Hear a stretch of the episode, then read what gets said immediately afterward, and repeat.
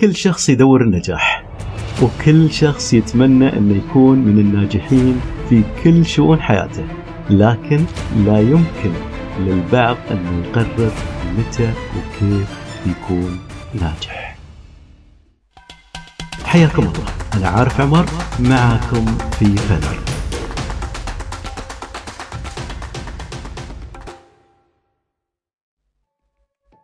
موضوع النجاح يحتاج إلى تخطيط وجهد وعمل متواصل للوصول إلى السلم. في المقابل في ناس تتعجل النجاح مو لأنه فاشل أو أنه ما يمتلك المقومات لكن لأنه وصل إلى مستوى من النجاح خلى الأمر بالنسبة له مجرد قطعة من الحلوى. حصل على وحدة وبغى زيادة. هني يبدأ في التعجل والركض عشان يوصل بسرعة للمحطة القادمة أو للهدف التالي. ومع هالتعجل ممكن أنه يطيح في بعض الحفر. كان بإمكانه أنه يتلافاها لو أنه اتبع خطواته الأولى اللي بدأ فيها من الصبر والتخطيط. الطالب يحتاج للنجاح في الامتحانات والشخص اللي يدور وظيفة يحتاج النجاح في المقابلة عشان يحصل هالوظيفة. وصاحب العمل يحتاج للنجاح لمواصلة عمله وزيادة إنتاجه وأرباحه والحصول أكيد على فرص أفضل.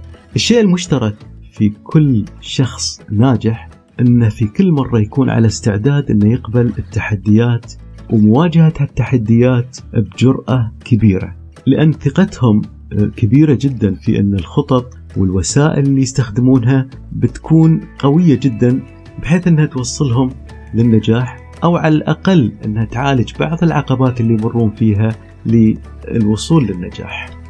البعض ممكن أنه يسأل من وين جت الثقة الجواب بكل بساطة لو شفت الصورة بشكل كامل فالثقة تكون حاضرة في التخطيط.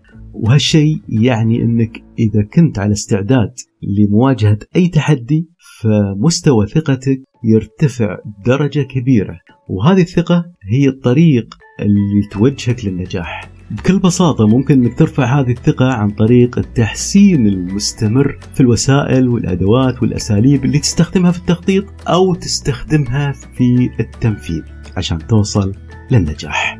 طبعا أهم شيء إنك تختار الوقت المناسب علشان تبدأ خطوة جديدة في مشوار نجاحك سواء كان التغيير أو تعديل بعض الأمور عشان تضمن إنك تستمر بشكل صحيح. فحاول إنك ما تكون مثل الشخص اللي يحط كل البيض اللي عنده في السلة عشان خطوة واحدة قادمة. أنت نجحت في السابق فلا تحاول إنك تضيع كل نجاحك عشان خطوة قادمة أنت ما حسبتها صح. حاول إنك تختار الوقت المناسب لأنك إذا ما اخترت الوقت المناسب أو ما حسبتها بالشكل الصحيح والدقيق واستعجلت أنت في النهاية تحكم على نجاحك بالفشل فلا تحاول إنك تاخذ خطوة قبل ما تحدد هل هي لك ولا عليك.